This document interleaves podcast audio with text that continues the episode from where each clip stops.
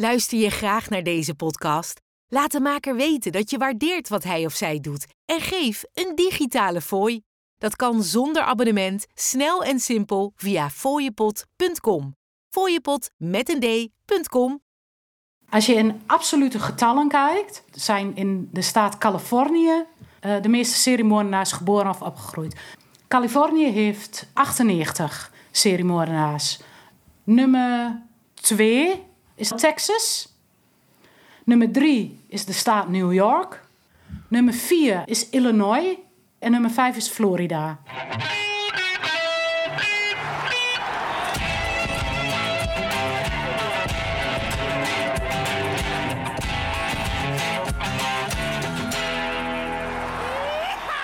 Hey, what's up? Wat goed dat je weer luistert naar de podcast Echt Amerikaans. Dit is uh, aflevering 24 en mijn naam is uh, Pascal Teunissen. Ik heb het deze keer uh, net even iets anders gedaan. Want normaal gesproken ben je van mij gewend dat ik een gast heb die veel weet over een Amerikaans onderwerp en ook in Amerika is geweest. En dan bespreken we zijn of haar ervaringen met dat land. Maar mijn gast van vandaag is helemaal niet in Amerika geweest. Hoe zit dat? Dat gaan we straks allemaal even horen eerst natuurlijk altijd even beginnen met het voorstellen. Zou je willen zeggen wie je bent? Ik ben Nicole.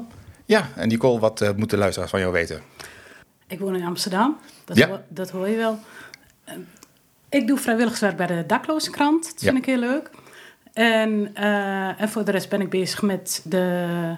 Daar gaat eigenlijk wel heel veel tijd in, in met de website uh, over de en alles wat erbij komt kijken. Instagram en de filmpjes en alles. Ja, nu heb je het al genoemd. Ja, mensen die... Oh, ja. uh, nee, dat geeft helemaal niks. Nee, we gaan het hebben over seriemoordenaars inderdaad. Een uh, misschien wat griezelig onderwerp, maar goed. We gaan straks even van jou horen hoe dat of juist niet. precies zit. Ja, inderdaad. Ik zei al, je bent niet in Amerika geweest, maar toen ik jou hierover contacte, want zei ik van, maar ik vind het wel heel erg Amerikaans onderwerp, ja.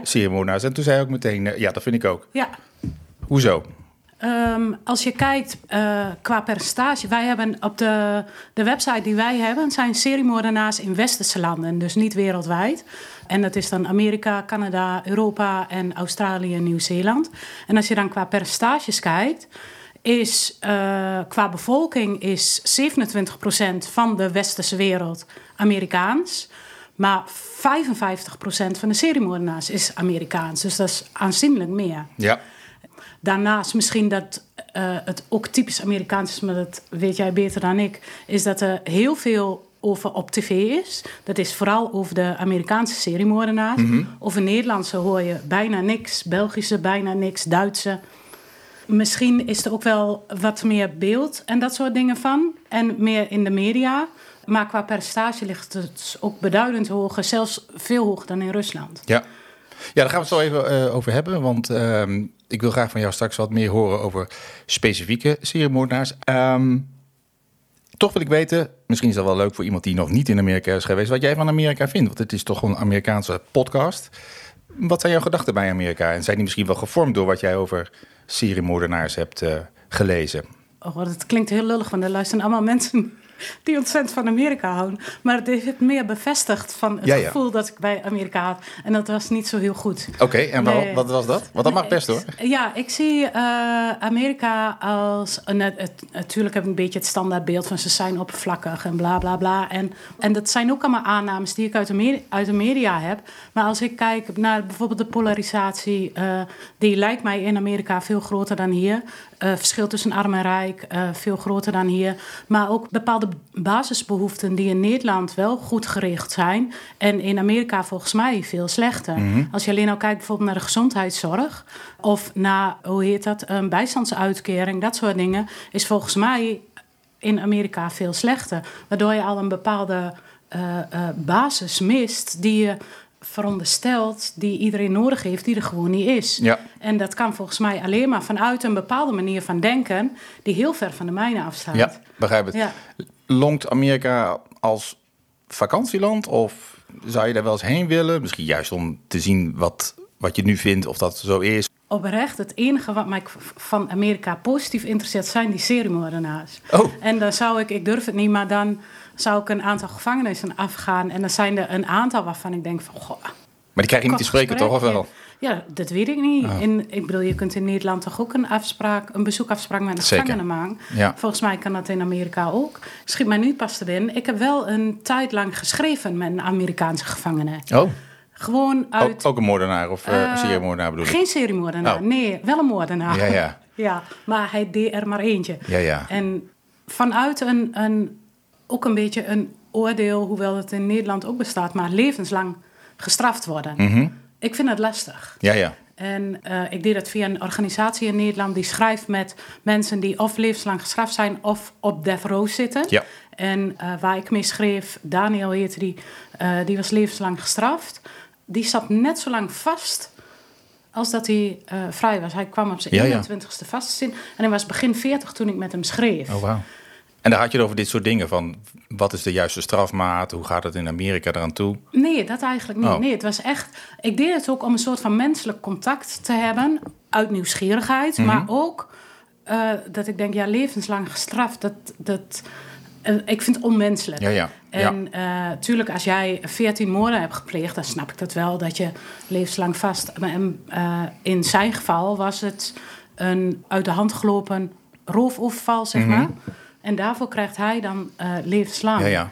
Het gaat inderdaad in deze aflevering over seriemoordenaars. Ja.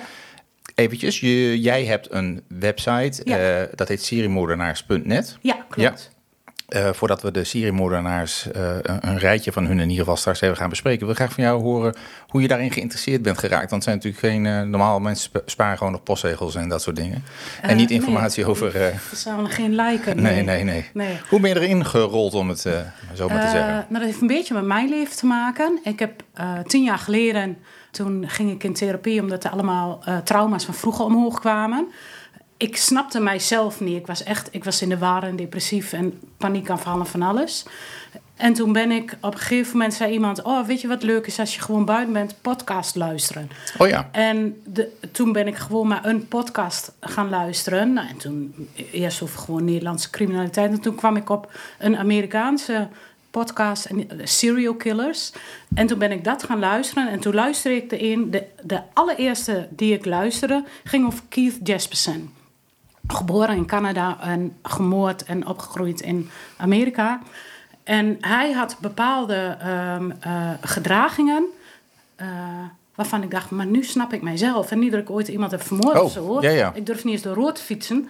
Maar de impuls die hij niet als kind al niet onder controle kon hebben. Ik herkende bij mezelf ook impulsen. En die zijn dan niet qua agressie, maar bijvoorbeeld qua veiligheid zoeken en mij aan mensen vastklampen. Wat qua gedrag heel anders is, maar qua intentie hetzelfde. Ja. Je wilt weg van het machteloze gevoel. En zo ben ik erin gerold. En toen had ik die beluisterd. En toen ging ik Ed Kemper beluisteren. Nou, en ik, nou, ik was gewoon echt gegrepen. Dus Ja, ja. sinds die tijd, elke dag. Ik ken die hele reeks, die is echt fantastisch. Ja. en dat ging dus via een podcast. Maar had je Ja. niet op een gegeven moment het idee van, oh, dit gaat wel over mensen die doodgaan en eh, mensen die slechte dingen hebben gedaan? Eh, dat is, Zeker. wat is daar dan toch de aantrekkingskracht van? 95% van de seriemoordenaars heeft complexe trauma's in hun jeugd opgelopen. Eh, dat is van seksueel misbruik, mishandeling, ouders die verslaafd zijn. bijvoorbeeld in de jaren 30 extreme armoede, dat je geen geld meer had. eh, psychiatrische problemen en dat soort dingen. Die complexe trauma's, die kwamen dus overeen met de complexe trauma's die ik in mijn jeugd heb meegemaakt. Eh, waardoor ik hun gedrag begreep. Waarmee ik niet zeg dat ik eh, het moorden goedkeur. Maar dat ik wel begrijp dat zij bepaalde impulsen niet onder controle hebben. Maar het is in eerste instantie dus begonnen omdat ik dingen van mijzelf daarin herkende. ja. Dat, kli- ja, dat klinkt heel raar. Ik ben een heel braaf meisje, meestal. maar Wat zeggen mensen Ja. als ze horen dat jij eh, zo bezig bent met seriemoordenaars? Ja, ja, want mensen zijn toch wel heel erg gefascineerd daardoor. Hè? Ja, en wel niet alleen sommige. daarin. Nee, heel veel zijn er ge- gefascineerd door de extremiteit, of dat ze van geweld of bloed of dat soort dingen. Dat heb ik totaal niet. Nee, nee. Bij mij is echt de achtergrond van wat zit daaronder, waarom iemand doet wat hij doet. Ja, ja, ja. Vertel eens even wat je allemaal hebt eh, over seriemoordenaars. Je hebt dus die website. Wat nog Ja. meer? Wat kunnen mensen, zal maar zeggen, bij jou vinden? Het grootste ding is die website. Daar is eigenlijk alles op te vinden. Daar staan biografieën op van de verschillende seriemoordenaars.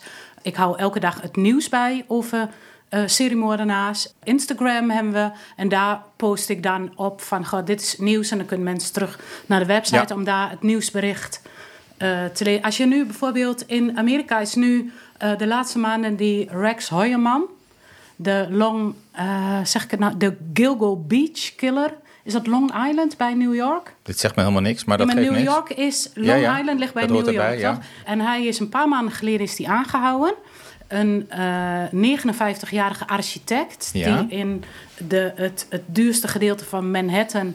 Uh, uh, zijn kantoor heeft, zeg maar. En die werd dus uit het niets werd hij aangehouden of aangeklaagd voor vier moorden. Maar er wordt nog onderzoek gedaan naar echt tientallen moorden die in de afgelopen decennia allemaal door hem gepleegd zouden kunnen zijn. Ja, ja.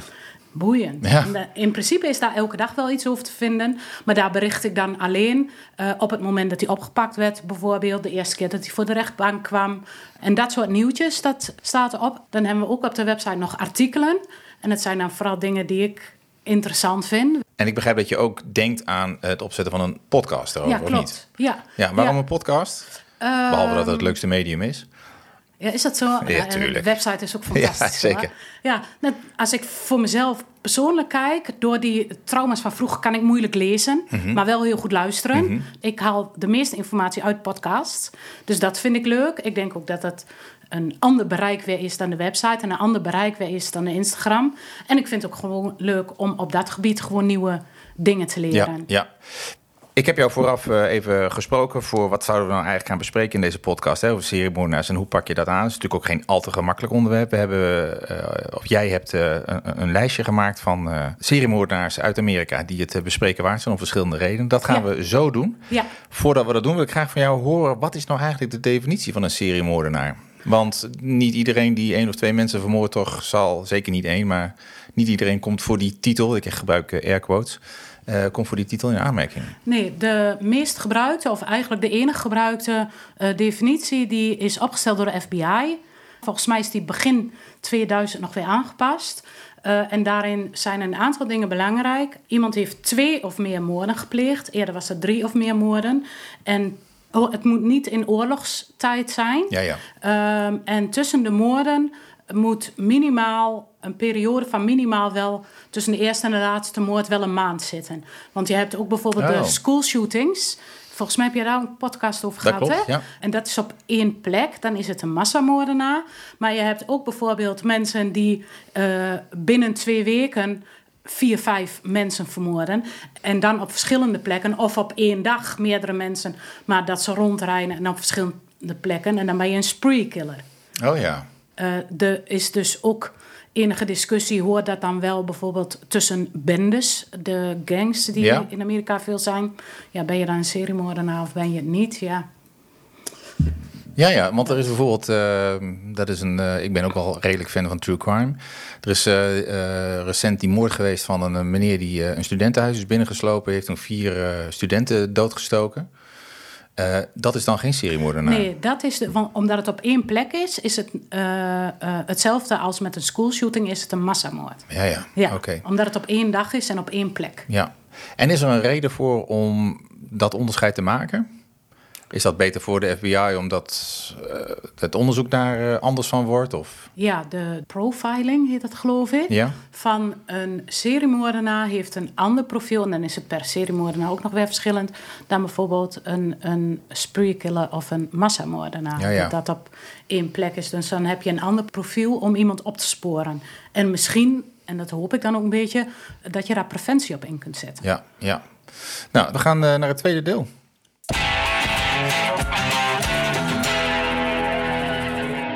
Nicole, in dit eh, tweede deel van de podcast eh, vraag ik altijd even wat jouw echt Amerikaanse onderwerp is. Maar dat is helemaal duidelijk. Het eh, zijn de seriemoordenaars. Ja, Jij hebt, zoals ik al zei, een aantal van hen uitgelicht. ja. Is dit je top 5 die je gaat behandelen? Nee, Waar heb je heb de keuze op la- door laten bepalen? Ik heb het laten bepalen op een aantal thema's waar, die iets zeggen over Amerika in Mhm. mijn ogen. ehm, en over wat een optie zou kunnen zijn waardoor er in Amerika meer seriemoordenaars zijn dan in Nederland. Drie thema's. En ik heb de meest bekende van de wereld eh, gedaan. En ik heb de link met Nederland gedaan. Nou, laten we maar beginnen. Wie De is link met Nederland? Nou, wat jij wil. Wie is jouw nummer 1? dit is dus in eh, willekeurige volgorde. Ja, want dit zijn, dit zijn niet mijn favorieten voor zover je... Ja, ja, ook hier worden weer is- airquotes gebruikt. Heel goed. Nou, eerst maar eens de link met Nederland. Mhm. Harm Drent. Oh, dat is wel heel Nederlands. En Ik hij ken hem wordt niet. Harry Powers. ken je hem nu? Nee, Nog niet. Nee, sorry. Harm Drent, eh, geboren in 1893. Oh, het is ook Daar een hebben tijdje geleden. buurt. Ja. 1893 in Beerta, Groningen. Dat ken ik wel. Wie kent het niet? Ja. Eh, rond 1910 verhuisde hij met zijn vader eh, naar de VS. En dat was in Iowa. Maar een paar jaar later kwam dus ook zijn moeder Jantje en zijn zus. En toen zijn ze verhuisd naar West Virginia. Mhm. Eh, en daar hadden ze een boerderij. En Harm, die dus inmiddels Harry zichzelf ook officieel heeft geregistreerd als Harry Powers, die hield niet van het boerderijwerk, dus die ging tapijt reinigen. En toen kwam er op het bedrijf waar hij werkte, in eerste instantie verdwenen er allerlei gereedschappen. Die bleken later bij hem in de schuur teruggevonden. Hij ontkende nog, Ja, ja. dat was ik niet. Maar er verdwenen ook steeds meer mensen, Oh, collega's. ja, dat is minder goed. Ja, daar is hij nooit voor aangeklaagd. Maar het is in elk geval wel discutabel. Eh, toen is hij getrouwd met een eh, toch best eh, welgestelde vrouw. Die had een eigen boerderij en die had een eigen supermarkt, een eigen café. En die heeft hij leren kennen via Lonely Hearts advertenties in de krant. En via advertenties in een bepaalde, een soort van club... waar je dan lid van moest worden. Een soort van betaalde eh, contactbureaus of Ja, zo. ja. Hij bleef advertenties in die krant. eh, bleef hij op reageren of de dames op hem konden reageren. Oh ja.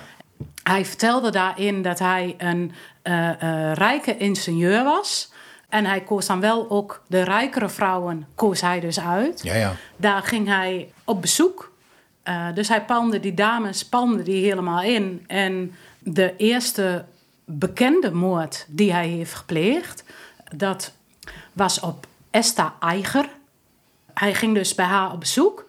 Dat was in Illinois, dus het is allemaal wel een beetje in dezelfde omgeving, maar niet. Dus hij ging niet kriskras eh, Amerika over, maar toch wel binnen verschillende staten. Ja. En ehm, daar ging hij op bezoek. Daar bleef hij een paar dagen. En zij was alleenstaande moeder, had drie kinderen. En na een paar dagen eh wilden ze toch wel even met z'n tweeën erop uit. En toen hebben ze een op- oppas geregeld voor de kinderen. Eh, en ze bleven eh, een aantal dagen weg. En na die dagen kwam Harm alleen terug Ja, ja. bij die kinderen en bij die oppas. En hij zegt van ja, nee, dat is allemaal gezellig. Ik kom nu de kinderen ophalen. En die oppas dacht, ja, het zal wel. Ja, want ik wil de kinderen weer herenigen met hun moeder. Nou, prima, het zal wel. Toen heeft hij dus nog wel het oudste kind naar de bank gestuurd. eh, met een cheque. Die al het geld moest innen van wat er nog van, op de rekening van die moeder stond. Dat werd geweigerd, omdat de bank zag dat het een valse handtekening was. Toen dacht Harm wel van, oeh, wegwezen hier, hebben Ja, ja. Dus die heeft de kinderen meegenomen en is dus weer van Illinois naar West Virginia gegaan. Quiet Dell is waar hij met zijn vrouw woonde. En hoe hij dat met zijn vrouw heeft geregeld allemaal, dat is nooit bekend geworden. Van die mensen werd dus nooit meer iets vernomen. Maar er waren wel buren van die eh, moeder met drie kinderen die vragen gingen stellen. Ja, ja. Maar toen heeft hij een maand later of zo heeft hij een, eh, een nieuwe dame, Dorothy Pressler.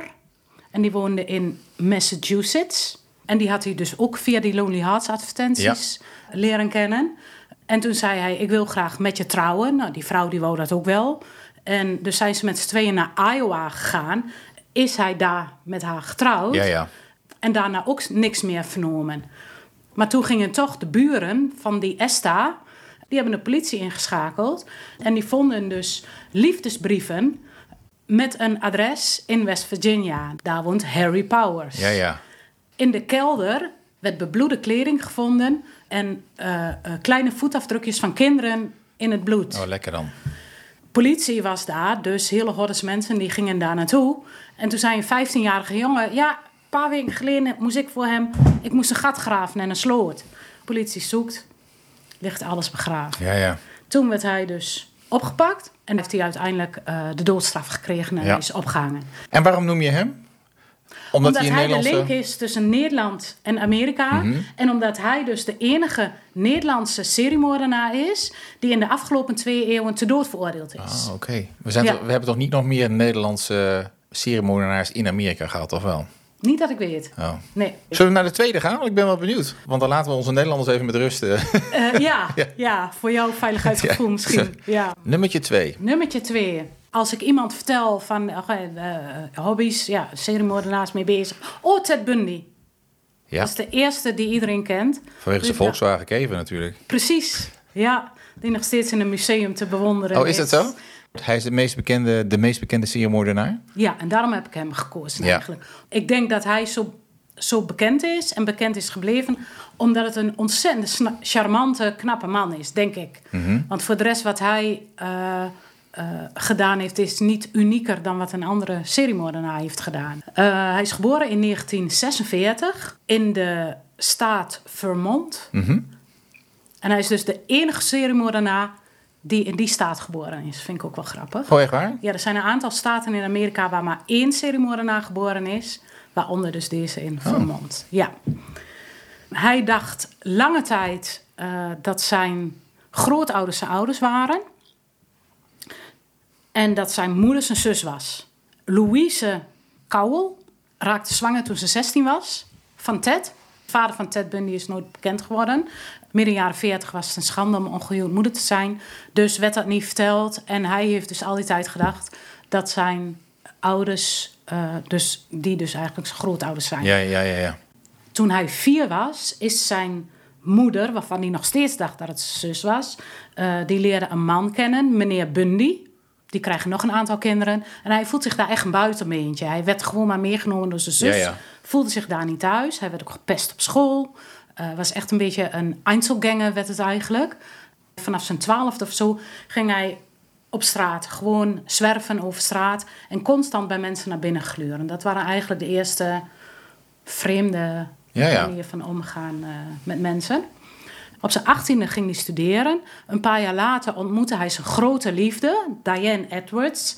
Eh, en die relatie heeft wel een hele tijd geduurd. Maar op een gegeven moment eh, eh, zei die Diane ook van... Aju paraplu, wordt maar eens eerst een beetje volwassen. Wanneer hij gooide naar de petnaam met studie. Hij studeerde Chinees. Later is hij psychologie gaan studeren.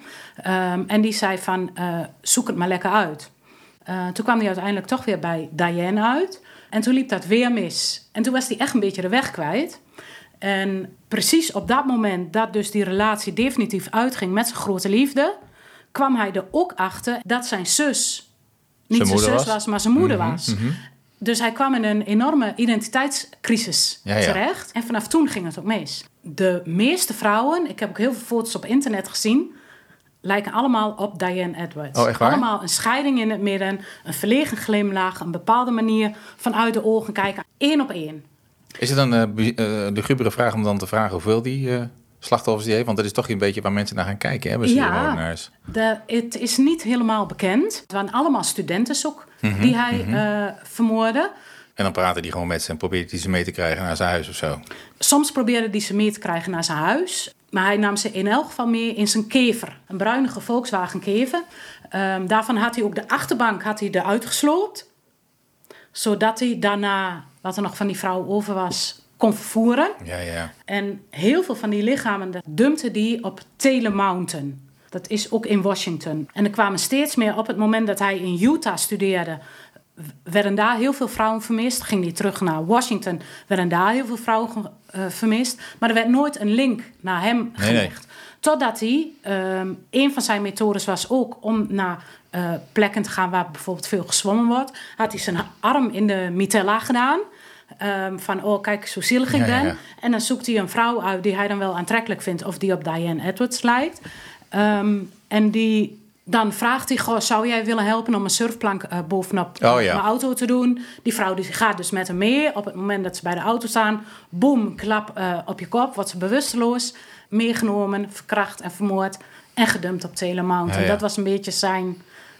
Modus operandi. Ja. Op een gegeven moment heeft hij met dezelfde modus operandi... heeft hij bij een vrouw zijn voornaam genoemd. Omstanders hadden gezien, die heeft een bruine kever. En aan de hand van dat verhaal is hij dus uiteindelijk opgepakt. Oké. Uh, hij wilde zelf zijn rechtszaak doen. Dus hij gaat in die gevangenisbibliotheek. En één seconde keek de bewaker de andere kant op. En hij springt zo van twee hoog naar beneden in die gevangenisbibliotheek. Zes dagen op de vlucht. Oh, wow. Werd hij weer opgepakt. Zat hij weer een tijdje vast. Toen is hij zichzelf gaan uithongeren. Waardoor hij dus door de, zo'n luchtpijp, dat hij daar doorheen kon kruimen. En is hij vanuit uh, Utah of Wisconsin, waar hij toen zat, is hij helemaal naar Florida gereden. Is hij onder een andere naam, is hij daar gaan wonen. En omdat er in die tijd, was jaren 70, nog heel weinig communicatie was tussen de verschillende staten, had hij daar, uh, was er eigenlijk niks aan de hand. Totdat hij daar ook ging moorden. En daar uiteindelijk werd opgepakt. Toen heeft hij in eerste instantie ontkende hij alles. Heeft hij ook weer zelf zijn rechtszaak gedaan. En de rechter toen die zei: aan u is een goede advocaat verloren gegaan, maar u krijgt toch de doodstraf. Ja, ja. Toen wilde hij dus de, steeds uitstel voor die doodstraf. En aan de hand daarvan ging hij dus steeds meer moorden bekennen. En uiteindelijk heeft hij de, uh, rond de 30 heeft hij er bekend, 30 of 31. Oh, wow. De verdenkingen zijn over de 80 wat hij vermoord heeft. Zo. Ja. En waarom heb je hem gekozen? Ik bedoel, afgezien van het feit dat hij misschien wel de meest bekende is, meest beruchte. Wat zegt zijn zaak over Amerika volgens jou? Verschillende dingen. Hij is in 46 uh, geboren, dus na de Tweede Wereldoorlog. Mensen die in de jaren 40 en 50 geboren zijn en rond hun 30ste beginnen te moorden. Want de meeste seriemoordenaars zijn toch dus globaal tussen de 25 en de 40. Oh, oké. Okay. Uh, dus dan is dat jaren 70, jaren 80. Dus hij hoort eigenlijk bij het, het gros seriemoordenaars dat in de jaren 70 en 80 is gaan moorden. Dus dat is één. Ook om te kijken van hey, wat zit daarachter? Een van de dingen waarvan ik denk waarom het in Amerika meer seriemoordenaars zijn, is dat er meer trauma's zijn, omdat er heel veel mensen richting oorlogen wordt gestuurd. Veel meer dan Nederlandse militairen bijvoorbeeld. Amerika bemoeit zich met veel meer conflicten en gaat ook veel harder in. Dus zijn er veel meer getraumatiseerde soldaten dan in Mhm. Nederland. Um, Maar dat was hij niet, hè? Of wel? Ted Bundy. hij was geen uh, soldaat, Nee. maar misschien zijn, va of zijn vader of zijn opa bijvoorbeeld, wat dus, waarvan hij dacht dat zijn vader Ja, was, ja. maar zijn opa was, die was bijvoorbeeld heel agressief naar zijn vrouw toe en naar zijn dochter toe. Ted Bundy heeft in elk geval gezien hoe regelmatig, waarvan hij dacht dat zijn moeder was, werd afgeranseld. Ja. Waarvan hij dacht dat zijn zus was, werd, werd afgeranseld. Maar hoeveel respect heb je dan als kind nog voor vrouwen? Ja. Dus dat is een iets omdat hij bij dat gros hoort. En als je hem, ik heb een aantal video's van hem gezien, een interview met hem gezien. En als je hem hoort praten, hij zegt echt de meest idiote dingen. Maar als ik hem hoor praten, dan denk ik van, goh, Oké, zullen we naar eh, nummer drie gaan? Wie had je als eh, nummer drie. derde seriemoordenaar uitgekozen? Ja, het is eigenlijk heel erg, want je hebt meer dan genoeg keuze om... eh, Ja, en ik heb, mijn favorieten heb ik niet gedaan. kijk, Nummer drie, Ed Gein. Edward Theodore Gein.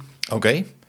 Wat heeft hij op zijn kerfstok? Nogal wat. Ja. En hele andere dingen weer dan, eh, behalve het moorden, dan Oké, Bundy, ook een heel ander type. Hij werd in 1906 eh, geboren in La Crosse, Wisconsin. Zijn moeder was streng religieus en die werd eigenlijk ook in de omgeving gezien als een godsdienst waanzinnige. En Ja, dat ja. is eigenlijk de reden, eh, het thema godsdienst vind ik ook wel typisch Amerikaans. Mhm. Dat daar ook, dat wordt daar op een, op een grotere manier beleefd, denk ik, dan in Nederland. Mhm.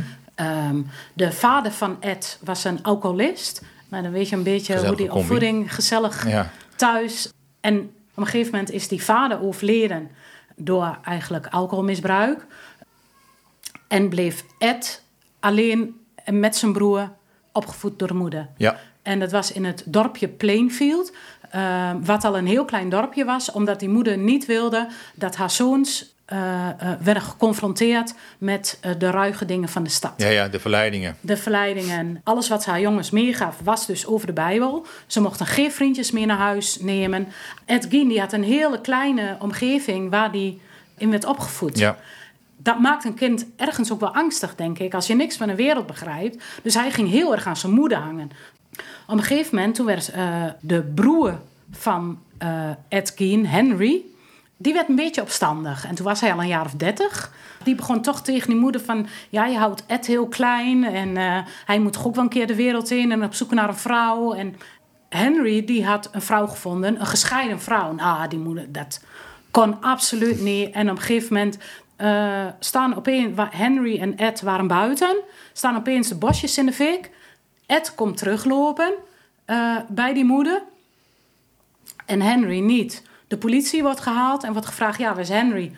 Weten we niet, niet gezien. Oh, zegt de politie, gaan we zoeken. En Ed neemt ze rechtstreeks mee naar de plek waar de broer ligt. Oh. Hij is nooit aangeklaagd voor moord op zijn broer. Maar er werd van uitgegaan, hij zal wel geschrokken zijn van de brand. Ja, ja, en met gevallen. het hoofd op een steen zijn Ja. gevallen. Hmm. Ed was volgens mij 34 daar in de buurt. Of 38 ging zijn moeder dood. Hij woonde nog steeds bij haar. En hij wist totaal niet waar hij het zoeken moest. Hij merkte wel dat alle eh, eh, seksuele neigingen die altijd door zijn moeder waren onderdrukt, dat die in één keer allemaal eruit kwamen. Ja, ja. Maar hij miste heel erg zijn moeder. En wat hij toen heeft gedaan, zijn moeder die lag begraven, is hij op een nacht naar het graf van zijn moeder gegaan. Maar het lichaam van zijn moeder was niet op te graven, er lag beton overheen. Toen is hij vanaf dat moment eh, rouwadvertenties in de buurt steeds gaan lezen. En als er dan een vrouw was die ongeveer de leeftijd had van zijn moeder, ging hij na de begrafenis, s'nachts, Nee. na die, ja, graaf die vrouwen op. Eh, dat waren dus lichamen die hij mee naar huis nam. Maar toen wilde hij ook zelf een vrouw. Toen ging hij naar de plaatselijke, wat verkochten ze daar, gereedschapswinkeltje, zeg ja. maar. Ehm, en hij vroeg die vrouw van die winkel, goh, kunt u even iets bij mij uit de, voor mij uit de etalage halen? Die vrouw die loopt daar naartoe. Pang, dat was zijn eerste moord. Die vrouw neemt hij ook mee naar huis. Daarna deed hij nog hetzelfde met een café-eigenaresse. Maar de eigenaresse van die hardware store. Ja. Haar zoon dacht meteen aan Ed Gein. Omdat Ed Gein eh, die week al heel vaak in de winkel was geweest. En zijn moeder een beetje aan het stalken was. Ja, ja. En heeft de politie gebeld. Ehm, de politie die gaat een schuurtje binnen. eh, hangt daar aan een ketting aan de voeten met het hoofd omlaag. Een mevrouw die van haar borstbeen tot aan haar heupen is opengesneden Ja, ja. zijn ze naar het huis van Ed gegaan. En toen zagen ze allemaal hele vreemde voorwerpen. Ze zagen stoelen die gemaakt waren van menselijke huid. Riemen beplakt met vrouwelijke tepels. Allemaal foto's van te vinden op internet. Dus Luisteraars, jullie hoeven niet te zoeken. Dat hoeft niet. mag wel. En hij is dus, wat jou betreft, een soort van het negatieve product van zoiets als dat geloofsfanatisme, Ja. wat, je, wat je meer in Amerika vindt. Misschien die hier. extremiteit Ja. daarin. Seriemoordenaars maakt voor mij heel veel duidelijk. Wat die Ed Gein... En natuurlijk wordt niet iedereen die streng gelovig is opgevoed... Die, wordt e- die gaat echt geen riemen maken van tepels. Nee. Dat snap ik ook wel. Maar juist omdat het zo uitvergroot is... krijg ik in elk geval ook een iets helderder beeld... van mensen die ook op dezelfde manier zijn opgevoed... en ook dezelfde schade hebben opgelopen. Ja. En er misschien net iets minder last van hebben... Je zult wel begrijpen dat hij ontoerekeningsvatbaar is verklaard, toch? Dat geloof ik wel, ja. Ja. Ja, met Ja. dit soort eh, praktijken, dat eh, geloof ik best. Ja. Zullen we naar nummer 4 gaan? Ja, Eh, zo zijn we over de helft van jouw lijstje. Wie, wie had je daarop staan en waarom? Ik heb op nummer 4 gezet Greg Price. Greg Price, ja. En hij heeft een aantal moorden gepleegd... omdat hij het in elk geval het idee had racistisch bejegend te worden. Mhm. Eh, en dat vind ik ook wel iets wat, denk ik, in Amerika heftiger aanwezig is dan in Nederland. Mhm. Ehm, Greg Price werd geboren in 1973 en eh, groeide op in Warwick, Rhode Island. Mhm. Een plaatsje waar maar 1% van de bevolking eh, zwart is. Toen hij een jaar of 7, 8 was, eh, werd hij steeds vaker eh, gewoon uitgescholden door witte, wat oudere puberjongens. Die hem in elkaar sloegen, eh, hem met steentjes gingen bekogelen. En uiteindelijk, dat was eigenlijk het punt waarop hij brak. Hij had een nieuwe fiets. En werd er ook tegen hem gezegd van... hé, hey, zwarte, je zult die fiets wel gestolen hebben. En omdat hij niet reageerde, gingen die witte jongens... dat werd steeds extremer. Die hebben toen een auto gepakt en die zijn op hem ingereden. Zo. En hij kwam bij, met, bij zijn ouders en hij legde het hele verhaal uit. En die vader die zei alleen... de eigen schuld had je maar niet moeten racen met je fiets. En dat racistische zou allemaal wel meevallen. En hij werd toen zo ontzettend boos, maar hij wist niet waar hij met zijn woede naartoe moest. Uh, vanaf dat moment is hij constant, als hij woede voelde, is hij maar gewoon gaan opkroppen. Tot op een gegeven moment bij hem in de straat, hij was er wat aan het rondhangen of weet ik veel wat. En toen stond daar een auto geparkeerd bij een huis, waarin een man hem constant aan het uitschelden was. En toen zag hij een paar dagen later, zag hij diezelfde auto weer staan op dezelfde plek. En toen dacht ik van, en nou pak ik hem. Ja. Toen is hij daar s'nachts naartoe gegaan. Maar daar bleek gewoon een jonge dame te wonen. Maar toen was hij al zo helemaal over de rooien. Heeft hij die vrouw doodgestoken. 58 messteken. En hij is gewoon teruggegaan naar huis. Uh, twee jaar later, ook weer in dezelfde straat, uh, was een moeder met haar kinderen. En van het dochtertje was de ketting van de fiets. En hij kwam daar langs. Hij zegt: Ik kan die ketting wel weer op de fiets zetten. Hij had het idee dat die mensen schrokken omdat hij zwart was. Mm diezelfde woede die kwam weer bij hem omhoog. En een paar dagen later zag hij die moeder met die kinderen, zag hij weer en uh, zag in welk huis ze woonden. En toen is hij daar naartoe gegaan en heeft hun dus ook uh, doodgestoken. Zowel Ja, ja. de moeder als het zoontje en het dochtertje. En, maar de politie die ging ervan uit, die hadden een profiel gemaakt. Over het algemeen is het zo dat één, een seriemoordenaar is wit. Mhm. Uh, een man van middelbare leeftijd. Maar zij hadden wel het idee, door, omdat er hier ook weer ontzettend veel messteken waren, dat het een jongere jongere was geweest. Maar in elk geval een witte jongen. Want Oh, uh, witte mensen vermoorden wi- witte mensen, zwarte mensen vermoorden zwarte mensen. Heel vaak is dat ook zo. Uh, dus zij waren niet naar hem op zoek. Maar ze zagen op een gegeven moment, liep hij over straat, zagen ze wel dat hij zijn hand in het verband had. Dus toen werd hij wel aangesproken. Goh, wat is er aan de hand? Nee, ik heb straat verderop uh, ongeluk gehad met... Uh, had ik een autoruit ingeslagen, maar er was iets in die auto. En de politie die trekt dat na, is helemaal geen autoruit ingeslagen. In die buurt, in die nacht. Dus dat klopte niet. Toen is hij dus een paar dagen later is hij toch opgepakt. En omdat hij nog maar 15 was, is dus ook zijn moeder meegegaan naar het verhoor. Nog maar 15 zo. zo. 15. Ja, En dus al vier mensen Ja. vermoord. Op zijn dertiende de eerste al. ongelooflijk. Ja. En toen heeft hij uiteindelijk die moord bekend. En na een aantal gesprekken later heeft hij ook de vorige moord toen hij 13 was bekend. ja. Maar omdat hij 15 was, en dat was in die tijd Rhode Island heette die staat, geloof ik, Warwick, Rhode Island, was de wet nog zo eh, dat iemand die daadwerkelijk minderjarig is, dat hij niet volgens het volwassenenstrafrecht eh, eh, berecht kan worden. Dat is na zijn zaak is dat in die staat veranderd. Dat als je vier moorden gepleegd, en ook al ben je 15 of 16, dat je wel als volwassene berecht mag worden. Omdat hij nog maar 15 was en die wet er nog niet was, eh, kreeg hij vijf jaar cel. Zou Ja. die dus in principe in 95 al vrij kunnen komen. Eh, maar in de gevangenis, er hoefde maar dit te gebeuren bij hem en hij ontplofte weer. Een van de dingen wat volgens mij niet geregeld is in de VS, is dat je als gevangene fatsoenlijke therapie krijgt als er iets met je aan de hand is. Volgens mij gebruik je deze zaak ook om aan te geven dat er natuurlijk veel racisme is ook Ja. in eh, Amerika. Dat is inderdaad wel een groot probleem. Eh, is dat vaker een motief geweest? Er zijn wel een aantal nazistische moordenaars, maar dat Oh ja. is dus weer andersom. Onder de seriemoordenaars zijn... eh, Ja, eh, Joseph Paul Franklin is een hele bekende. Mhm. Hij heeft allemaal Joden en zwarte mensen omgebracht. En worden die mensen dan ook zwaarder gestraft? Telt dat mee? In de zin van eh, een gewone seriemoordenaar. Ja, dit, ik begrijp niet dat ik, dat ik dit zeg, maar... Normale en niet normale. Ja, ja, ja, ja. En iemand die gedreven is door dit soort motieven als racisme... worden die strenger gestraft? Ik denk dat het per staat verschillend is, Hm. überhaupt al. Als je kijkt naar het aantal doodstraffen die voltrokken worden, wel of geen seriemoordenaars, doet er niet toe. Is Texas overtreft iedereen. Ja, dat zal wel bekend zijn. Ja. Willen we naar nummer vijf? Of heb je over deze jongen met zijn eh, wel heel erg eh, Nou, ik wil, wat ik nog gewelddadige over jeugd? Greg Price nog wil zeggen. Hij zou dus na vijf jaar vrijkomen. Maar omdat hij Oh ja. zoveel woede in, in zich had... heeft hij telkens weer incidenten in de gevangenis gehad. eh, waardoor hij weer een paar jaar erbij kreeg. En weer een dodelijke afloop jaar- ook, of niet? Niet met dodelijke Nee, afloop, nee. Eh, hij zou in 2019 vrij kunnen komen. En toen heeft hij een medegevangene... Niet doodgestoken, maar wel een poging tot moord Oh ja. gedaan. Dus of hij ooit nog vrijkomt, die kans is vrij klein. Ja, ja. Ik vind het Is hij absurd. De enige in dit rijtje tot nu toe die nog leeft? Eh, Ed Gein is dood, Ted Bundy is dood.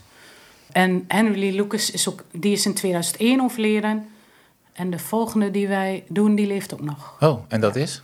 Eh, Charles Cullen. Charles Cullen. Sorry, zeg maar ook niks. Charles Cullen is, is een verpleegkundige Ja. die in elk geval tientallen mensen vermoord heeft in ziekenhuizen. Oh, wauw. Als ik kijk hoe daarmee om is gegaan door de verschillende ziekenhuizen, vooral, dan had hij eigenlijk na vier al gepakt kunnen worden. Wat is zijn verhaal?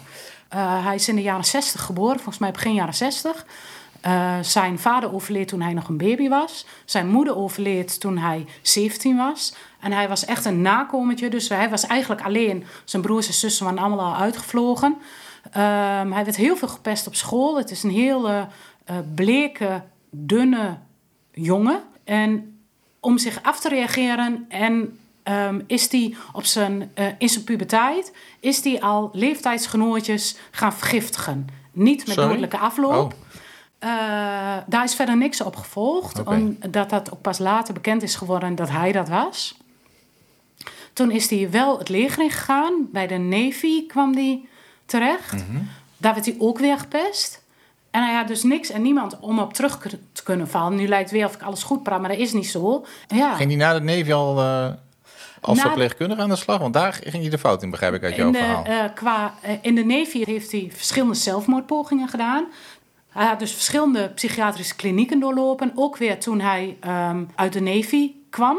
Toen is hij getrouwd, kinderen gekregen, eh, toch weer depressief geworden en is uiteindelijk zijn vrouw weer van hem gescheiden. In de periode dat hij bij zijn vrouw was, is hij de opleiding tot verpleegkundige gaan doen. Het eerste ziekenhuis waar hij werkte en waar hij daadwerkelijk zijn moorden heeft gepleegd, was het St. Barnabas Hospital in New Jersey. Oké, Zijn collega's vielen op dat in zijn diensten er toch steeds meer mensen overleden. Die hebben dat dus aangegeven bij hun bazen. En die kwamen er dus zo dus achter dat hij gewoon meerdere mensen daar had vermoord. Ehm, dat ziekenhuis was dus bang voor claims van nabestaanden van patiënten. ja, ja, dat die zeiden, hoe heb je mijn broer, vader, zus in de buurt van die Ja, en ik moorden wil 10 verplegen miljoen. kunnen? Ja. Ja, Dus die hebben dat stilgehouden? Of? die hebben het stilgehouden. En die hebben alleen tegen hem gezegd, jij moet weggaan. En hij heeft daarna meerdere ziekenhuizen ook gehad... die ook wisten dat hij moorden. Meerdere. Meerdere ziekenhuizen, negen ziekenhuizen waar hij gewerkt heeft... waarvan hij in minimaal zes ziekenhuizen gemoord heeft. Zo. En waarvan dus, laten we zeggen, vijf van de zes ziekenhuizen echt op de hoogte was dat hij gemoord heeft. Ehm, en die bazen zeiden allemaal: als jij nu uit jezelf vertrekt, krijg je een premie meer en krijg je goede referenties, zodat je ergens anders aan de slag kan.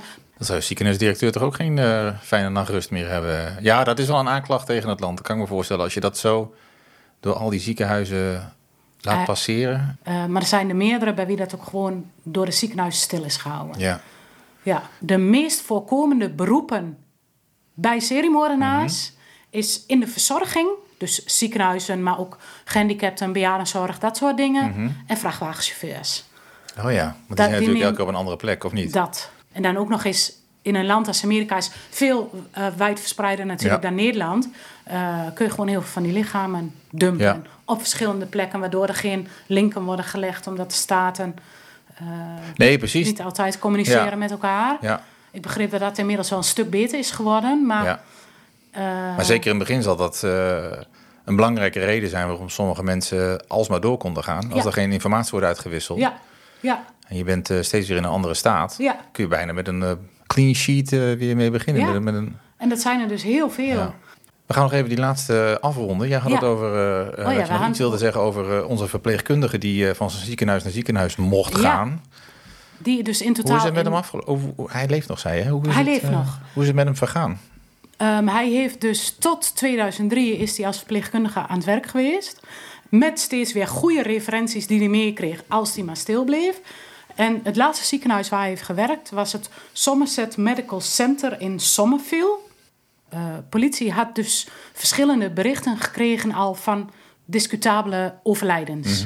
Maar ze hadden geen harde bewijzen. Want het ziekenhuis eh, wilde niet meewerken aan het onderzoek. Dus de politie moest het hebben van een bekentenis. Toen hebben ze eh, een collega van hem, Amy Ridgway, en dat was zijn beste vriendin.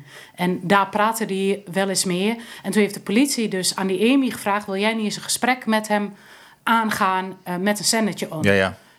En zo had de politie dus bewijs dat hij het gedaan had. En toen hebben ze een soort van eh, eh, overeenkomst met hem gesloten. Als jij nou alles vertelt wat jij weet, gaan wij niet de doodstraf eisen. En dat heeft hij gedaan. Hij heeft er wel bij gezegd: Ik kan mij heel weinig herinneren, want ik leef al jaren in een soort van mist. In een Ja, ja. soort van depressieachtige mist, waarin ik mij weinig herinner, gewoon überhaupt van het leven. Ja, dus dat is een beetje een aanklacht tegen het, eh, ja, claimcultuur misschien in Amerika, die Ja, maar ook wel. ervoor het- zorgt dat je dingen ja, niet zo snel naar buiten brengt, bang uit angst voor rechtszaken. Ja, maar het, het hele systeem wat daaromheen hangt.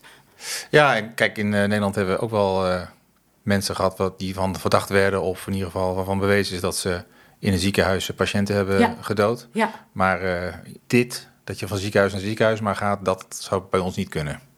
ik denk dat die kans minder groot is. Ja.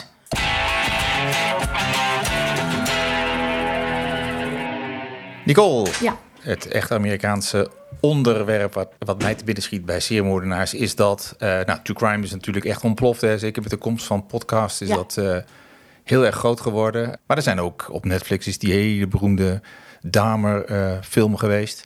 Dat was een serie. eh, Ja. Zodiac, kan ik me nog herinneren, was een hele spannende film. wat vind je van dat soort dingen? Dat dat ook vermaak is. is dat, dat vind ik namelijk erg Amerikaans. Dat ze daar ook snel al films van maken. En die mensen worden zelfs een soort van beroemdheden.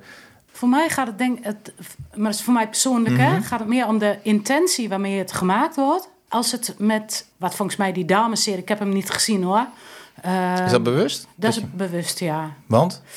Je hebt hier zowel te doen met nabestaanden van slachtoffers, als met dame die natuurlijk al lang dood is, die is vermoord toch? Mhm. Ja, waarin heel veel leed zit.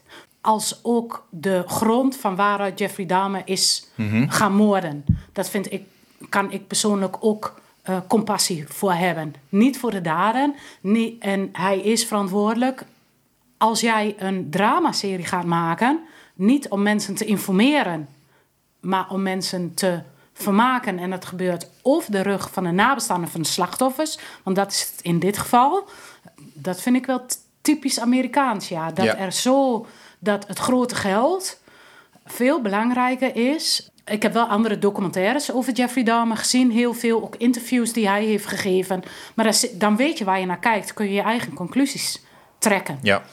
En met dit weet ik dat niet. Nee, in dat verlengde, we hadden het al even over dat jij eh, denkt aan een podcast. Er zijn ook heel veel podcasts over eh seriemoordenaars. Wat zou jij vinden dat het uitgangspunt moet zijn van zo'n podcast daarover? om niet alleen weer te geven hoeveel messteken en hoeveel er gewurgd zijn en met hoeveel die er verkracht heeft en dat soort dingen. Het sensationele zou voor mij nooit een uitgangspunt zijn. Nee, nee. Dat kan wel een stukje van de trigger zijn waarom eh, true crime zo groot is. Mhm. Dat snap ik wel. Maar voor mij is het uitgangspunt altijd: wat zit daar nou onder? Ja. En wat zegt dat over de medemens? En wat zegt dat over, over mij? Eh, als ik er zelf naar kijk of naar luister, naar onderwerpen over seriemoordenaars, is altijd mijn gedachte van... Oh, dan, nu weet ik tenminste wat ik moet doen als ik in een situatie terechtkom. Want, Ik snap dat wel, maar ik vind wel eh, de, eh, heel kort door de bocht. Ja, ja. Als je kijkt naar de slachtoffers die het meest voorkomen, is bijvoorbeeld sekswerkers. Eh, Oh ja. Is een hele ris- risicovolle doelgroep. Ja. Omdat hun beroep, eh, ze stappen vaak bij mensen in de auto, dus ze komen Oh ja. op plekken terecht waar weinig controle is. Eh, maar vooral omdat ze inderdaad nauwelijks gemist worden en er ook vanuit de politie eh, toch wel vaak minderwaardig op sekswerkers. ja, ja. eh, dus die eh, zet er ook minder mankracht op misschien. Ja. Is er nog een seriemoordenaar waarvan jij zegt... daar zou ik graag een documentaire over willen zien? Ik zou heel graag een documentaire zien, niet zozeer over een bepaalde seriemoordenaar, maar meer dat er, wat wel de intentie is van de website, waarom doet iemand wat hij doet? In dit geval een seriemoordenaar. Ja. En wat zegt dat over hoe mensen met elkaar omgaan in de maatschappij? We hebben net eh, vijf eh seriemoordenaars eh, van jou gehoord. Die hadden allemaal iets wat met Amerika te maken had. Even los van het feit dat ze in Amerika moorden. Gaf het ook iets aan van wat je over Amerika kunt leren. Hoe je die koppeling kunt maken. Ja. Welke twee, drie seriemoordenaars zou jij zeggen van... voor mensen die ook geïnteresseerd zijn hierin... of misschien heb jij ook wel een soort van top drie...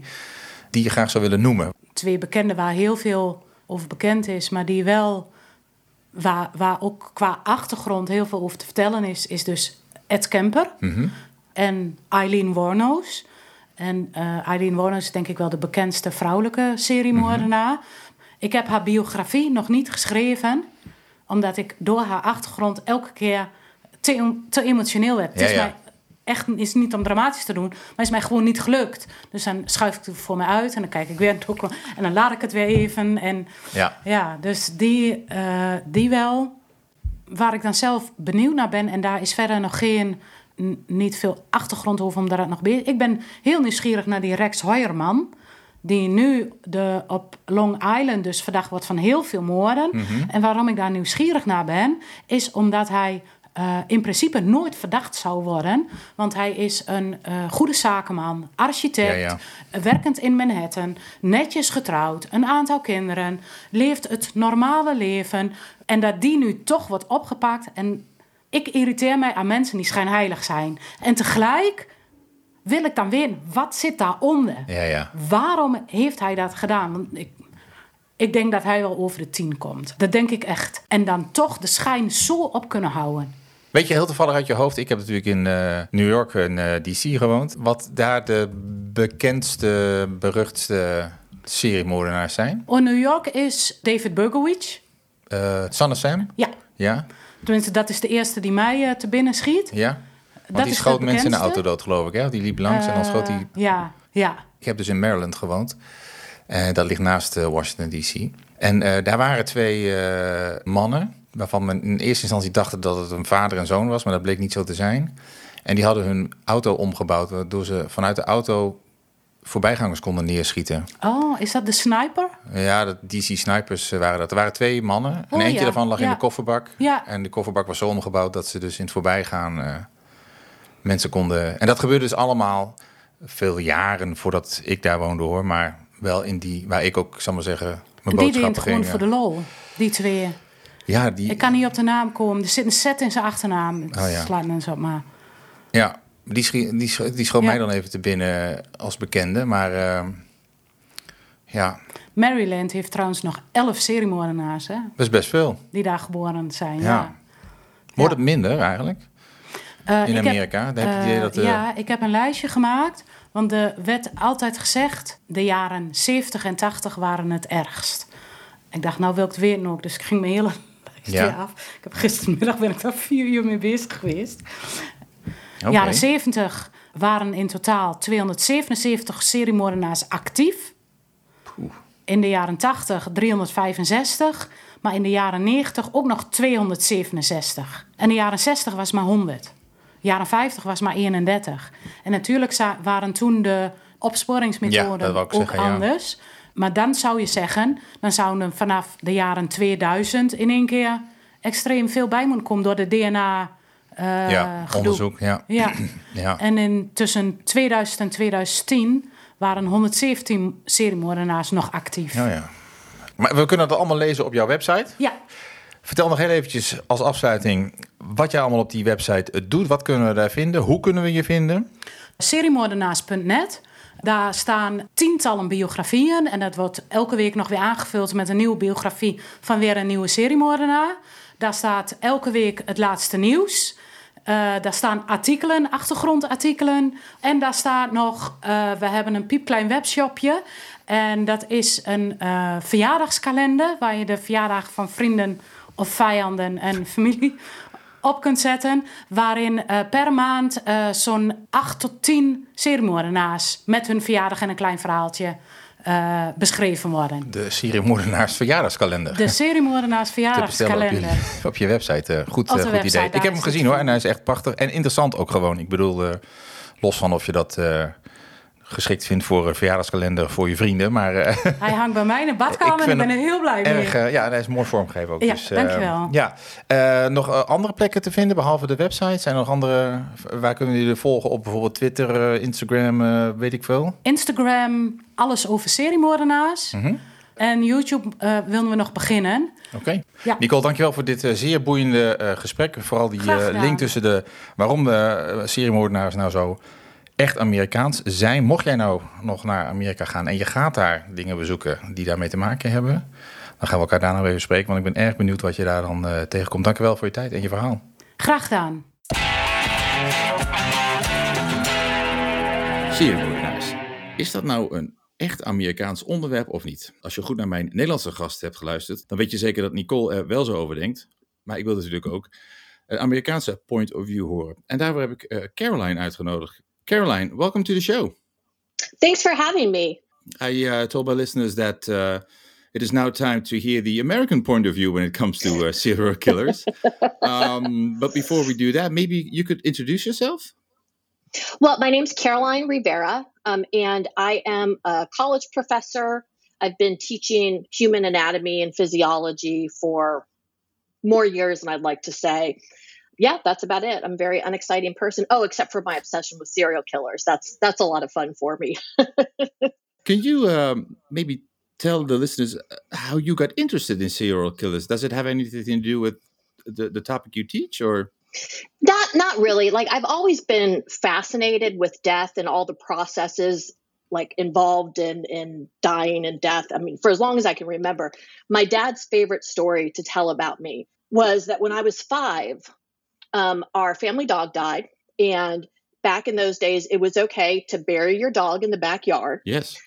So we did that, and a couple days later, little five year old me says, Daddy, Daddy, can we dig up Benji to see what she looks like? Oh, and yeah, thankfully, he had the presence of mind to say, no, we're not going to do that, right? Because that could have been very scarring. So I've always been, I've always been sort of obsessed with death. Um, and I grew up in, I grew up in kind of middle America in the 70s and 80s. And that's part of this what you know what they refer to as the golden age of serial killers right. from about you know the 1970s till 2000 or so. Um, and so I think a lot of my interest in serials serial killers came out of came out of that exposure to you know to Ted Bundy, Jeffrey Dahmer, that sort of thing. Right. And then as I entered a career in academics teaching human anatomy and physiology, I got really interested in trauma and the impact of trauma on the brain. And then that sort of led me to well how could that how could i relate that to understanding why serial killers do what they do? Like what right. Yeah what causes them to go out and, and do the horrific things that they do? Right. Yeah. so what do friends and family say when uh, when you tell them that you're interested in this uh, particular topic? They um, well you know i my brother is a retired cop. My mom is a like true crime fanatic. Like, yeah, so right. How do people react? Uh, just other people.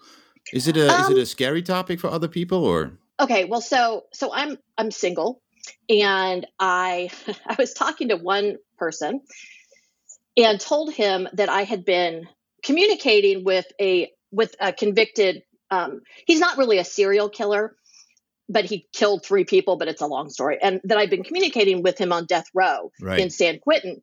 And the guy was kind of creeped out by that. And we, you know, he kind of like was like blocked me and stuff. So, yeah, yeah. but normally, normally people don't, they think it's interesting because, and I don't know how it is in other places, but in the US, we're fascinated by death. We've got this, we kind of fetishize death and murder and everything. And so, so when you tell people that you know a lot about serial killers, they want to talk about it. Right, right. Yeah. So, so that's a good segue to my next question is yeah.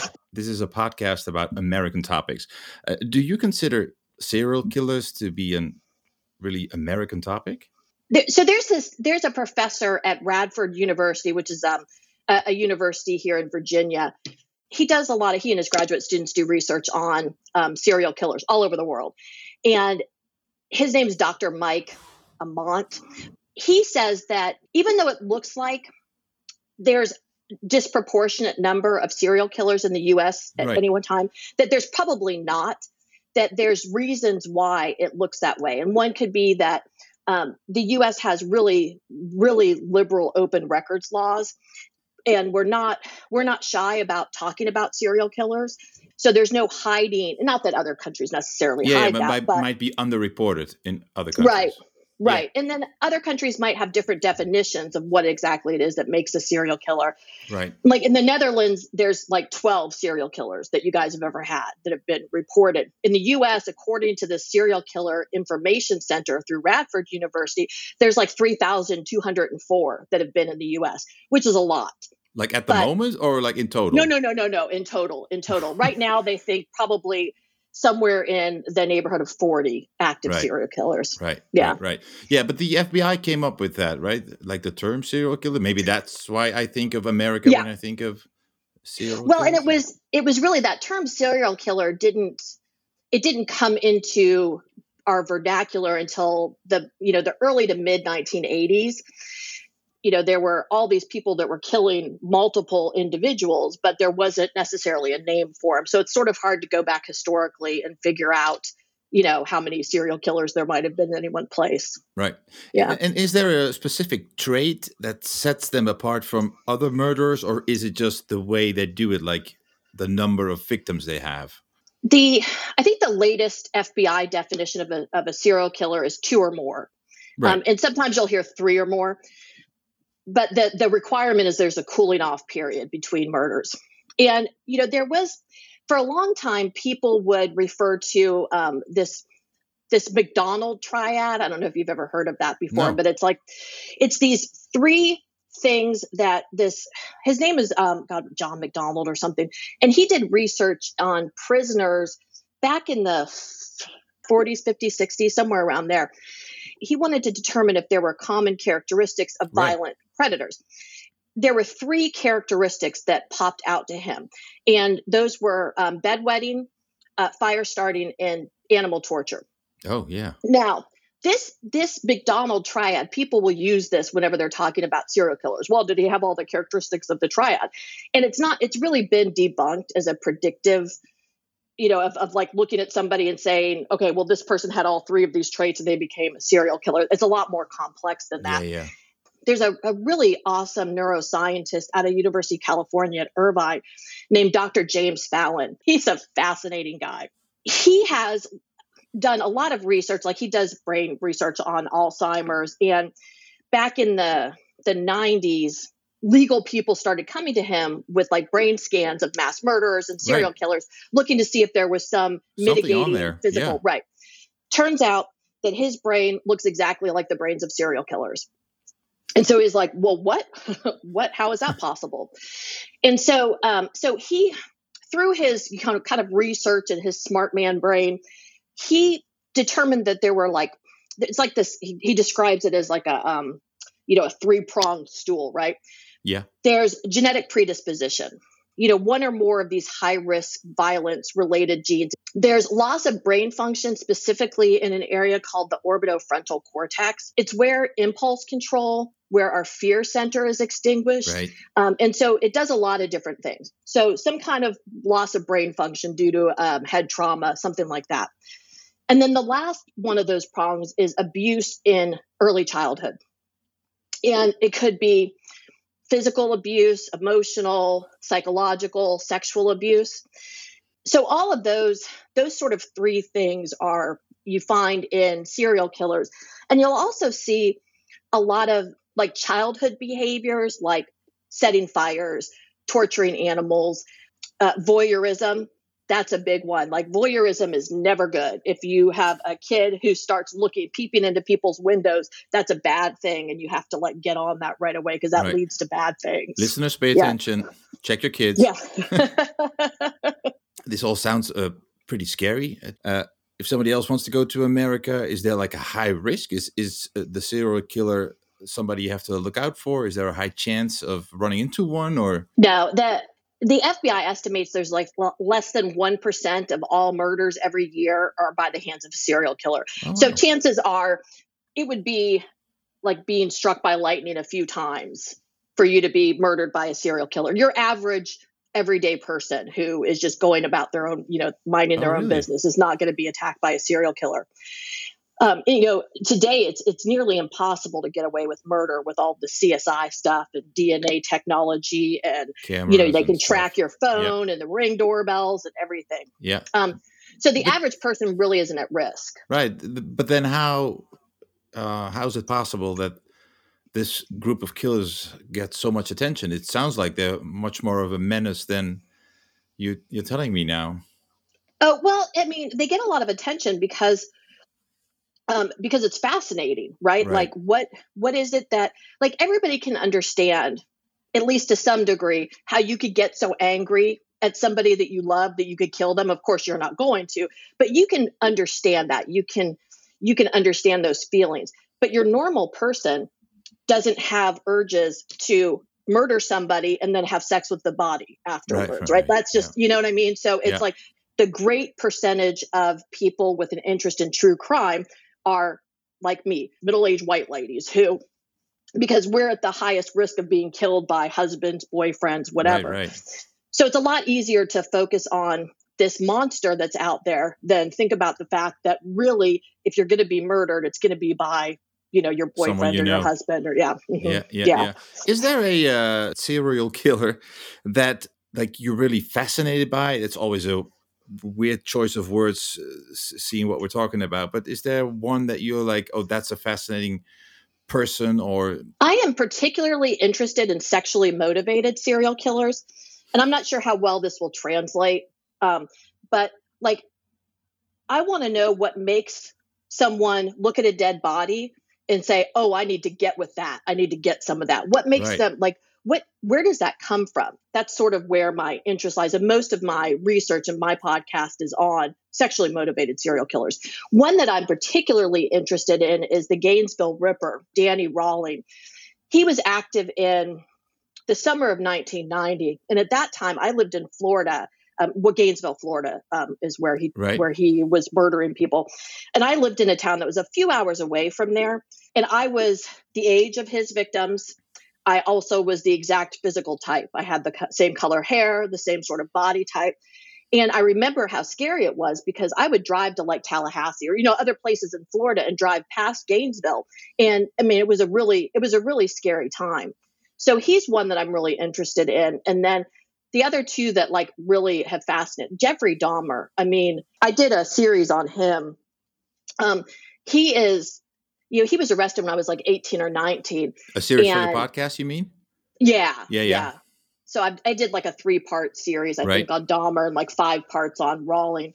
But Dahmer is interesting because of all of the stuff that happened when his mother was pregnant with him and then the things that happened during his childhood and how he how his paraphilia developed and so that's kind of interesting and then the other one that I'm like have always been super interested in is Ed Kemper, the co-ed killer. I mean, he's a monster, obviously, but he is so intelligent and self reflecting that he's interesting to listen to because he's really put a lot of thought into why he did what he did and um, can talk about it in a way that is, you know, intelligent. He's not just like some disorganized person that was just going out and like, you know, murdering people willy nilly. He was you know, incredibly who intelligent. Was Ed Kemper? I think I've heard the name co-ed killer, but I don't think we discussed him with my Dutch guest. Do you? Can you tell us, like in a few words, who he was? Yeah, yes? so he was um he was active in the, yeah he's still alive. He was active in the seventies, and basically he would pick up hitchhikers, female hitchhikers, and then he would kill them. the The thing that really got a lot of attention around him is that he killed his mother cut her head off. He put it on a shelf. He threw darts at it. He cut her tongue out and put it down the garbage disposal. And he defiled her body after she right. was dead. And so that was one of the things that got him so much attention. Like, you know, because it's always mom. it's always mom's fault. I mean, and I am a mom, so I, you know. My mom's still alive. She's uh she's not at fault for anything. Mom, if you're listening, just so you know. Um you mentioned Dahmer. Um there was a, uh, a Netflix uh, series on him, mm-hmm. also very popular here. I don't think the same can be said for the co-ed killer, but uh, Jeffrey Dahmer is a well-known name here too. Uh, and you also said that uh, serial killer podcasts and documentaries are very popular. Mm-hmm. Um, can you explain why that is? Why do we want more and more? Oh, you know, it's like the monster like the boogeyman out there. You know, we have to have this obsession or we have to have this focus on something that chances are we're never going to come into contact with, right?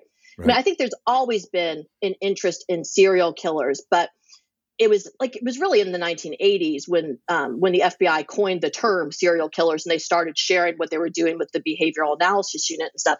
I think that's when it really took off. Then you had Ted Bundy, Right. um, you know, 1979. When people think about serial killers or when they think about murderers in general, they think of monsters, of these these crazed looking people. And here's Ted Bundy, who's this handsome, articulate, intelligent man who looks like the boy next door, right?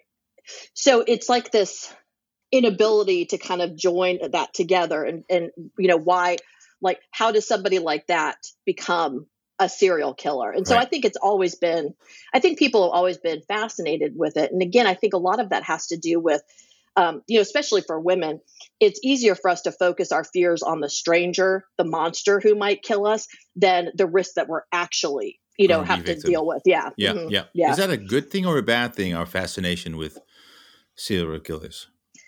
I don't know. I mean, it's kind of concerning that we fetishize violence so much, but I don't know. I like I think it's fascinating. And again, like when in my podcast, I don't talk about the murders that much.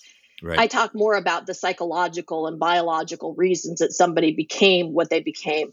And so that kind of gratuitous violence that um you know, I don't know. I, I don't know if that's good or bad. You know, in the in the 50s and 60s there was a um a magazine called True Detective that was out. I don't know if you guys have ever heard of this. It was like it was a US Mhm. magazine. They attribute not that serial killers became serial killers because of this magazine, but in the magazine there were it would depict women that were like in bondage with looks of fear on their face and some towering, you know, violent person. And so so I don't know, is our obsession with serial killers and violence is it going to lead to more violence? I, I can't really say whether it's good or bad. I think it's fascinating, but Yeah. but I'm also not right in the head. So That's good. Is I there still have- anything? Is there anything you uh, would like our listeners to know about serial killers? Something that you're like, this is what I usually harp on when it comes to this topic. one of the really troubling things about serial killers, especially ones that are active today, like the FBI created in 2004, they created this highway serial killer initiative and found that there's probably 450 different serial killers that were active along the highway systems and they they identified 750 murders that happened Oh, along wow. the highways and so there's this connection between and, and not all long haul truckers or serial killers or anything but like a, a long haul trucker can pick up a sex worker and then kill them and then drop them off states away Yeah. and because sex workers are so marginalized um, in this country anyway, a lot of times they don't get reported as missing. Um, and if they do, the police don't take it seriously because they live this high risk lifestyle. You know, that's something that that bothers me a bit. That they don't get the attention they deserve. Is that what you're saying? Right. Yes, they don't get the attention they deserve. And, you know, just because somebody is a sex worker doesn't mean that their life is any less valuable than anybody else's. And then the other thing that is kind of troubling around this is this in the US, we have this uh, what's called missing white girl syndrome. Oh, And yeah.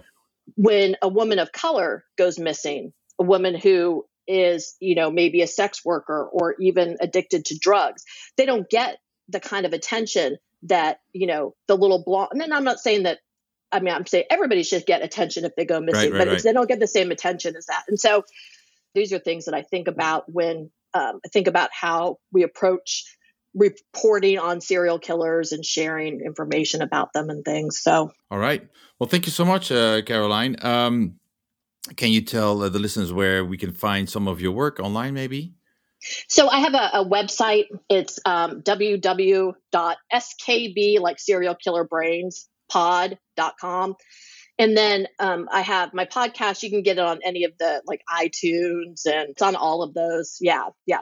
And it's just Serial Killer Brains, it's called. All right. Yep. For more uh, information on uh, how the mind of serial killers uh, work, right? Yep. Exactly. All right. Thank you so much uh, for your time. Thank you so much for your insights uh, on this uh, uh, maybe a little weird but fascinating topic.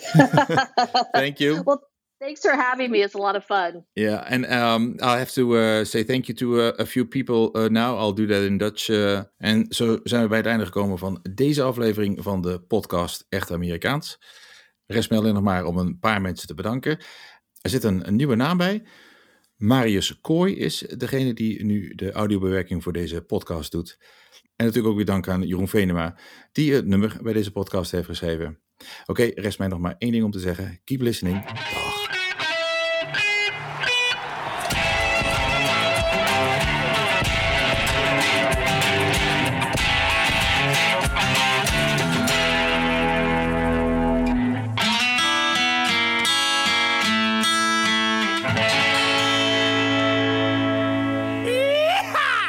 Luister je graag naar deze podcast? Laat de maker weten dat je waardeert wat hij of zij doet en geef een digitale fooi.